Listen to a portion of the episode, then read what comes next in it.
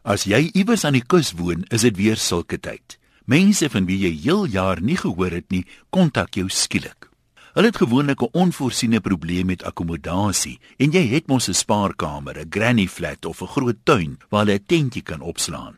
En hulle mis jou so, sal dit nou nie lekker wees om weer 'n slag bietjie te kuier nie. Ek het 'n ander interessante ding agtergekom. Mense wat in Johannesburg woon en werk, beskou dit altyd as die eerste wêreld, teenoor Kaapstad slaapstad waar niks ooit gebeur nie. Selfs die varsste seekos kry jy in Johannesburg. Die grootste en beste deel van elke dag se vangste word dieselfde middag nog op ys Johannesburg toe gevlieg, terwyl Kaapenaars maar met die oorskiet tevrede moet wees. Sodra die vakansie egter aanbreek, haak hierdie mense woonwaans, bote en fietsse en jaag Kaap toe waar hulle in 'n stronthuisie gaan vakansie hou.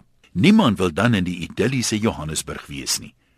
Baie van hierdie mense maak later genoeg geld in Johannesburg sodat hulle nie meer daar hoef te woon nie. Dan begin die wonderwêreld van die groot stad hulle verveel en hulle trek na 'n kusdorpie toe waar hulle elke oggend met die honde kan gaan stap. In die stad moes hulle iemand betaal om met hulle honde te gaan stap. Baie min mense tree ook in Johannesburg af. Hulle trek almal see toe en begin onmiddellik ly aan geheueverlies. Dan vergeet hulle hulle het ooit in die stad gewoon en begin post foto's van 'n sonsondergang oor die see met leedvermakerige byskriffies soos die uitsig uit my kantoor. En moenie die vrystaaters weggooi nie. Die meeste van hulle is daar gebore en getoe en hulle begin later glo hulle is die Here se uitverkore volk al sien hy hulle nooit met genoeg reën nie.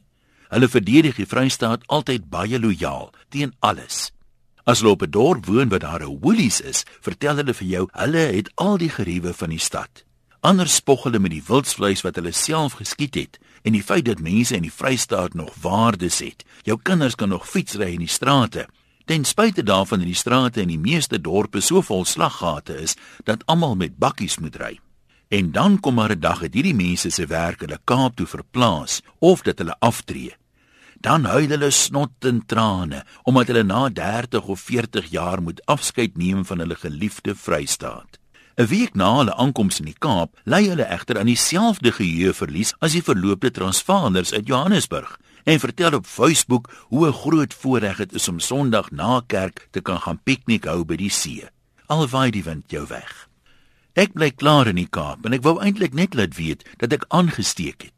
Ek sukkel nou met dieselfde geheueverlies as almal wat Kaap toe getrek het. So as jy my dalk wou bel met jou akkommodasieprobleem, sal ek jou waarskynlik nie onthou nie. Om die waarheid te sê, ek onthou nie eers my eie naam nie. So groete van oor tot oor. Antoniem